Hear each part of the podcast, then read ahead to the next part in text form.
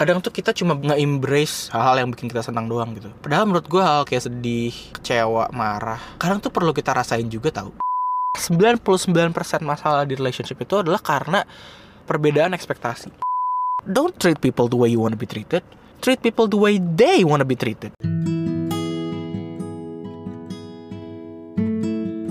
Apa kabar semuanya? Balik lagi ke Masih Kloset. Masih bareng gue Age Apa ya, gue hari ini pengen ngomongin soal relationship. Langsung aja lah ya Gue bingung bahasa basinya apaan. Lagian kayaknya lu juga gak berharap gue bahasa basi lama di Opening-opening apalah gitu. Langsung aja masuk topik ya gak sih?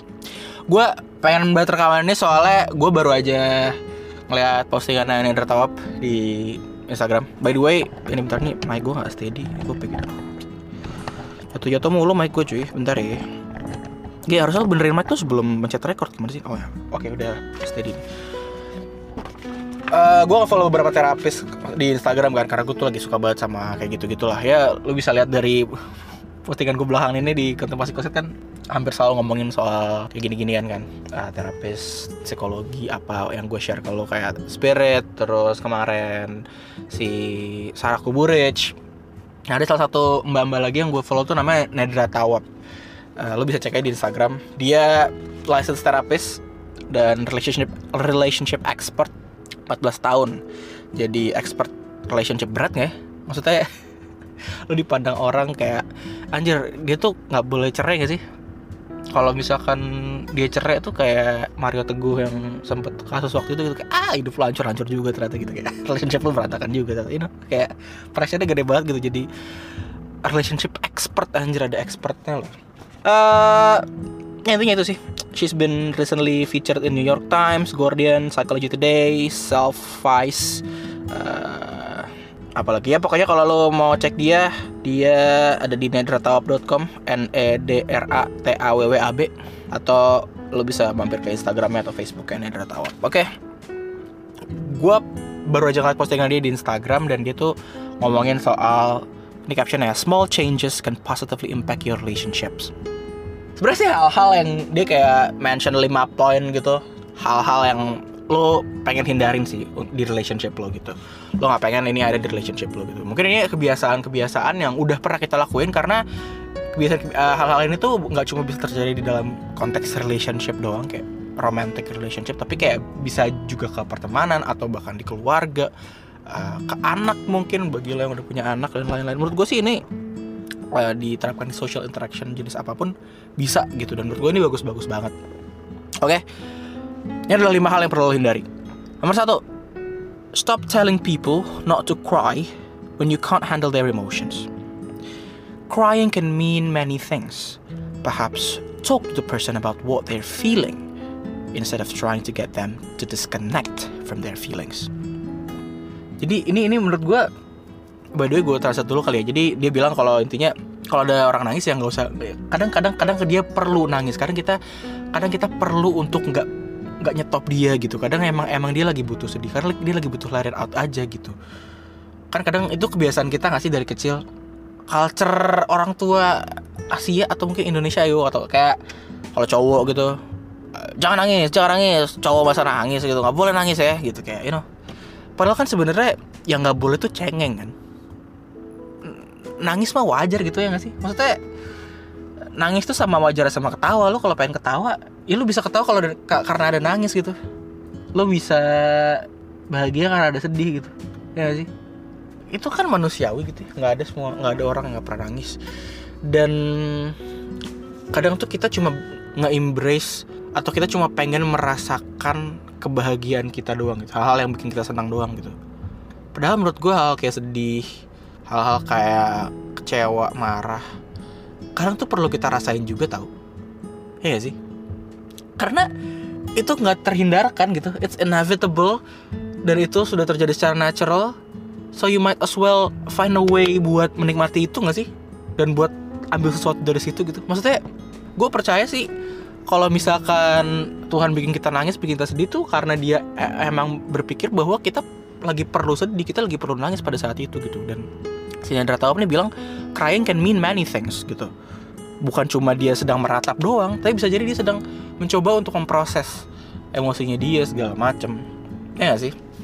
Talk to the person about what they're feeling instead of trying to get them disconnect from their feelings. Menurut gue ini penting banget sih. Biasanya cowok-cowok gak sih kayak gitu? Jok kayak Radit tuh yang cewek kalau abis putus tuh oh kenapa sih ini cerita gini-gini gitu kayak itu kan sama, sama teman-temannya gitu kalau cowok tuh pas uh, cerita ke temen abis putus tuh langsung diajak main game diajak ngapain diajak ngapain gitu. Maksudnya kayak kayak approachnya tuh beda gitu. Yang satu tuh address the emotion yang satu kayak eh, udah lupain aja tekan aja gitu. Lo lo press ke dalam emosi lo lo tekan ke bawah gitu kayak pretend it's nothing you know? I don't know. Kayaknya kayaknya sehat banget sih untuk connecting with your own feelings dan atau menurut gue itu akan menambah kedalaman diri lo dan lo akan menemukan sesuatu dalam diri lo yang lo nggak pernah akan temukan nggak akan pernah bisa temukan kalau lo lagi nggak sedih gitu. Dan menurut gua ini yang penting nih kalau misalnya konteks relationship ketika lo berusaha mendengarkan misalnya pasangan lo nangis segala macam lo lo embrace itu lo coba mendengarkan lo coba oke okay, biarin aja dia nangis kasih dia waktu segala macam dan terus dia uh, lo lo dengerin dia bla bla bla. Itu akan menciptakan rasa bahwa anjir pasangan gue mengerti gue nih gitu kenapa gue nangis dan segala macam. Dan dia akan jadi nyaman being vulnerable di depan lo ya gak sih? Dan vulnerability itu menurut gue kunci banget gitu. Karena ketika lo udah being udah nyaman untuk being vulnerable ya udah lo lo menunjukkan diri lo 100% lo siapa gitu. Dan kalau lo dengar podcast gue sebelumnya yang bahas uh, bahasannya spirit yang soal topeng kalau episode berapa tuh? 24 kalau nggak salah 23 lupa lah gue lo akan tahu betapa pentingnya untuk nunjukin 100% diri lo. Karena ketika lo nggak nunjukin 100% diri lo pasangan lo akan jatuh cinta sama bayangannya dia sendiri. Padahal itu bukan lo. Anjir gue ribet banget ya. Lo ngerti gak sih gue ngomong apa? Uh, kalau misalkan lo nggak nunjukin 100% diri lo siapa? Lo pretend to be orang lain. Yang lo pikir pasangan lo akan suka you know biasanya kan gitu kan kalau yang kita lakuin kalau misalkan awal-awal uh, being in relationship itu kayak kita kita nggak nunjukin diri kita siapa tapi kita nunjukin diri kita yang kita pikir pasangan kita akan suka. Ya kan? Nah kita tuh mesti tembus topeng itu gitu. Karena kalau enggak nanti pasangan kita akan suka sama image yang kita bentuk bukan bukan bukan suka sama diri kita yang asli gitu loh. Dan once kita nunjukin diri kita yang asli akan terjadi hal-hal itu yang kayak oh kok dia berubah ya sekarang? You know?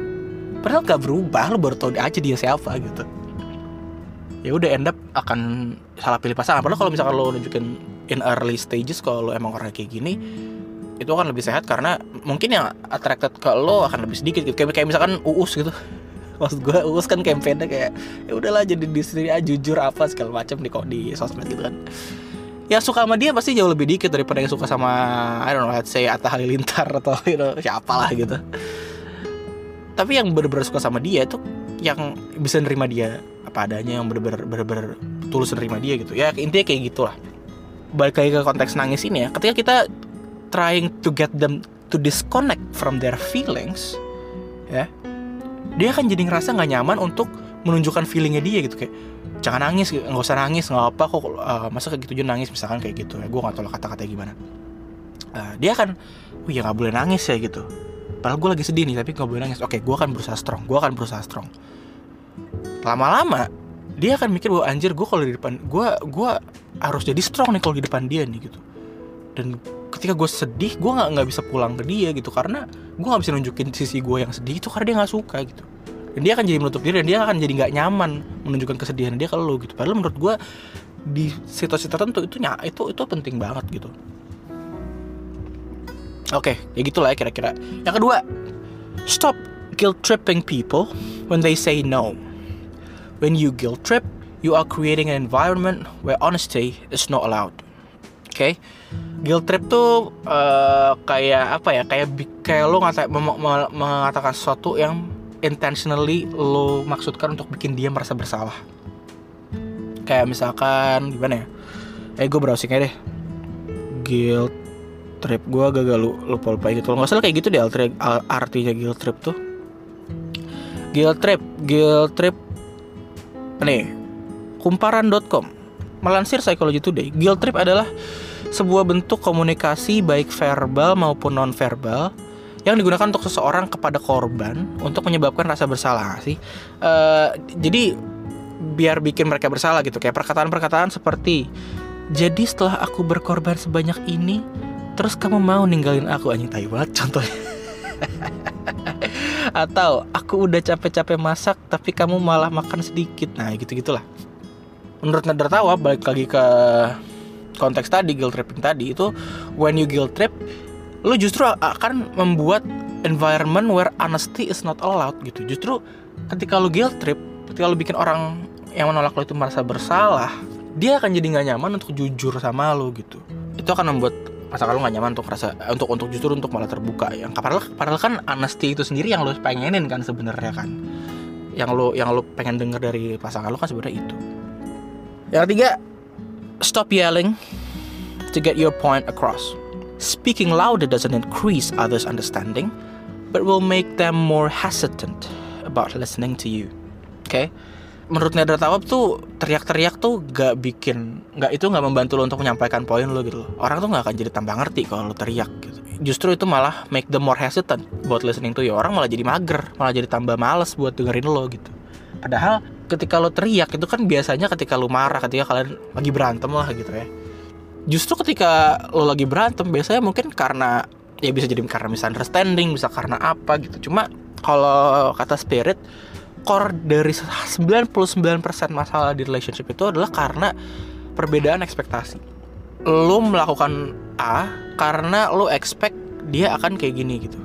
Sementara cewek lo marah karena lo ngelakuin A karena dia expectnya yang lain gitu. Nah ketika ada perbedaan ekspektasi seperti ini yang mesti dilakukan itu apa? Mengadjust ekspektasinya kan menyesuaikan ekspektasi supaya lo punya ekspektasi yang sama sehingga lo nggak kecewa gitu. Nah untuk menyampaikan ekspektasi masing-masing dan mengadjust hal tersebut lo kan perlu komunikasi yang bagus. Nah ketika lo berteriak-teriak karena lo emosi tentu saja sangat understandable. Tapi justru ketika lo teriak itu tadi balik lagi ke poin ada tawab gitu it will make them more hesitant about listening to you gitu. Padahal yang yang justru yang hal yang sangat dibutuhkan itu adalah mendengarkan gitu ketika lo berkomunikasi mengerti satu sama lain gitu. Dan lo nggak akan bisa nggak bisa akan nggak akan bisa adjusting uh, apa tadi ekspektasi lo kalau misalkan nggak ada satu dari kalian tuh yang uh, mendengarkan satu sama lain gitu. Tapi ada orang yang bisa. Kalau gue pernah dengar tuh tipe orang dalam handling konflik tuh ada ada dua yang general apa fight sama flight gitu. Kalau misalkan fight ya saat ini aja lo hadapin gitu. Maksudnya ada masalah segala macam. Sekarang kita bahas sekarang kelar mau teriak-teriakan mau using curse words apa pun segala macam yang penting sekarang keluar semua dan kelar. Besok udah clear semuanya. Ada juga tapi yang flight gitu. Kadang kadang orang butuh untuk untuk menenangkan diri dulu menenangkan hatinya dulu menerjemahkan emosinya dulu supaya bisa mengkomunikasikan emosi emosi tersebut dengan baik. Sehingga tidak ada uh, miskomunikasi, tidak ada mispersepsi. Tidurin dulu gitu ya. Besok baru dibahas lagi segala macam dengan kepala yang lebih dingin gitu loh. Intinya kalau lo punya cara untuk bisa menghindari teriakan supaya saling apa ya nggak hesitant untuk listening to each other ya it's a good thing to have tapi kalau misalkan you're okay untuk teriak-teriak segala macam justru itu adalah hal yang lo lebih prefer ya it's okay lanjut poin berikutnya stop assuming you already know what someone will say, what they will do, or who they are. Ask more questions and make fewer assumptions. Ah, ini menurut gue penting banget nih. Intinya dia bilang kayak kalau lu pikir lu tahu uh, orang ini bakal ngomong apa atau biasa tuh yang yang kayak gitu tuh biasanya orang suka motong-motong omongan tuh nyebelin banget. So tahu segala macam dan kayak ada tawab nge-suggest bahwa you should make fewer assumptions dan by the way gue suka banget sih sama pilihan katanya make fewer assumptions bukan stop making assumptions tapi fewer assumptions karena mungkin dia aware bahwa assumption itu adalah mungkin sesuatu yang reflektif reflek ref apa sih? Yang refleks aja kita lakuin gitu. Sesimpel gini deh sesimpel uh, tiba-tiba pasangan lo uh, berhari-hari nggak balas chat misalnya ya. Sesimpel itu misalnya lo nggak tahu alasannya kenapa. Itu kan pasti lo ada asumsi gitu. Kayak anjir dia ke mana ya? Oh dia jangan-jangan ada masalah ya? Ada, ada apa dia baik-baik aja? Apa apa dia justru masalahnya sama gue? Bla bla bla so, asumsi asumsi itu wajar muncul di kepala tapi yang perlu kita kontrol adalah kita mesti sadar bahwa asumsi kita tuh bukan kebenaran yang terjadi gitu. belum tentu gitu. Bisa iya bisa enggak. Dan salah satu cara untuk uh, caranya adalah untuk bisa memastikan itu ya ask more questions kalau kata Nadra tahu fokus on yang sebenarnya tuh kayak gimana gitu yang terjadi daripada sibuk dalam asumsi lo sendiri. I know it's it's hard gitu. Tapi ya assumption kills lo kalau bertindak berdasarkan asumsi lo lo akan jadi orang paling nyebelin gitu. Karena kayak apaan sih gue kayak gitu? Misalkan pasangan lo ngerasa kayak gitu gue kenapa lo mikir kayak gitu? Dah gue gak ngerasa gue gak kayak gitu gue gak ngelakuin itu gitu. Lo kenapa gak nanya gue dulu gitu? Kenapa lo maksudnya kalau lo mau melakukan sesuatu based on your assumptions tuh gak ada batasnya gitu. Dan lo akan apa ya melakukan sesuatu yang berlebihan yang yang nggak nggak akan membuat nggak akan membuat suasana menjadi lebih baik juga gitu. So yeah ask more questions make fewer assumptions. Yang terakhir stop thinking that everyone else should think and feel like you. What we think and feel is based on our life experiences and many other factors. We're not all the same. Okay? Gak semua orang tuh kayak kita. Ada beberapa hal yang kita suka ternyata orang lain nggak suka. Ada orang ada orang. Ada hal yang kita nggak suka sementara orang orang lain suka gitu. Ini terdengar aja gue udah tahu gue gitu. Ya pastilah kayak gitu. Cuma kadang kita suka apa ya terjebur dalam ini tuh dalam, da, uh, karena ada satu kalimat yang menurut gue tricky yang populer disetujui sama banyak orang. Kalimatnya adalah kalau misalkan lu nggak mau di treat kayak gini ya lu jangan treat people kayak gitu juga. Apa sih? Treat people the way you wanna be treated ya gitu kan. Perlakukan orang sesuai yang lo mau diperlakukan seperti apa gitu kalau lo nggak mau diginiin ya lo jangan gituin orang.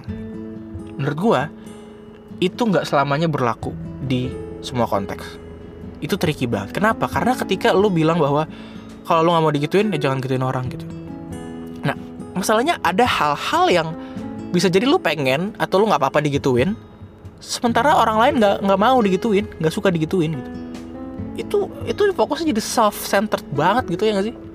Gue pernah ngomongin sih di episode 6 di episode ego menurut gue don't treat people the way you wanna be treated. Treat people the way they wanna be treated. Ya gak sih? Lo mesti lo mesti kenal dia lo mesti understand their feelings ya. Apa yang dia mau apa yang dia suka kenapa dia menginginkan itu deep deep dan lo kasih gitu loh. Kalau emang lo bisa dan segala macam kalau emang you know. Eh itu sih ini ini ini poin yang terdengar biasa atau ya udah tahu gitu. Cuma kayak kadang kita tanpa sadar suka ngelakuin itu. Itu sih menurut gue oke itu itu lima poin dari Nedra Tawab yang bisa gue sampaikan hari ini. Uh, segitu aja podcastnya. Thank you banget buat yang udah dengerin. Semoga ada manfaatnya buat relationship lo baik sama pasangan lo atau sama teman-teman lo keluarga lo bla bla bla. Menurut gue ini bisa diaplikasikan ke siapa pun. Oke. Okay? Selamat beraktivitas kembali. Terima kasih sudah mendengarkan. Lo bisa email ke kontemplasicloset@gmail.com kalau lo pengen ngomong sesuatu, pengen nanya sesuatu, topik request segala macam, apa pun, apa pun gue akan baca email lo. Uh, apalagi. Udah ya? Sampai ketemu minggu depan. Dadah.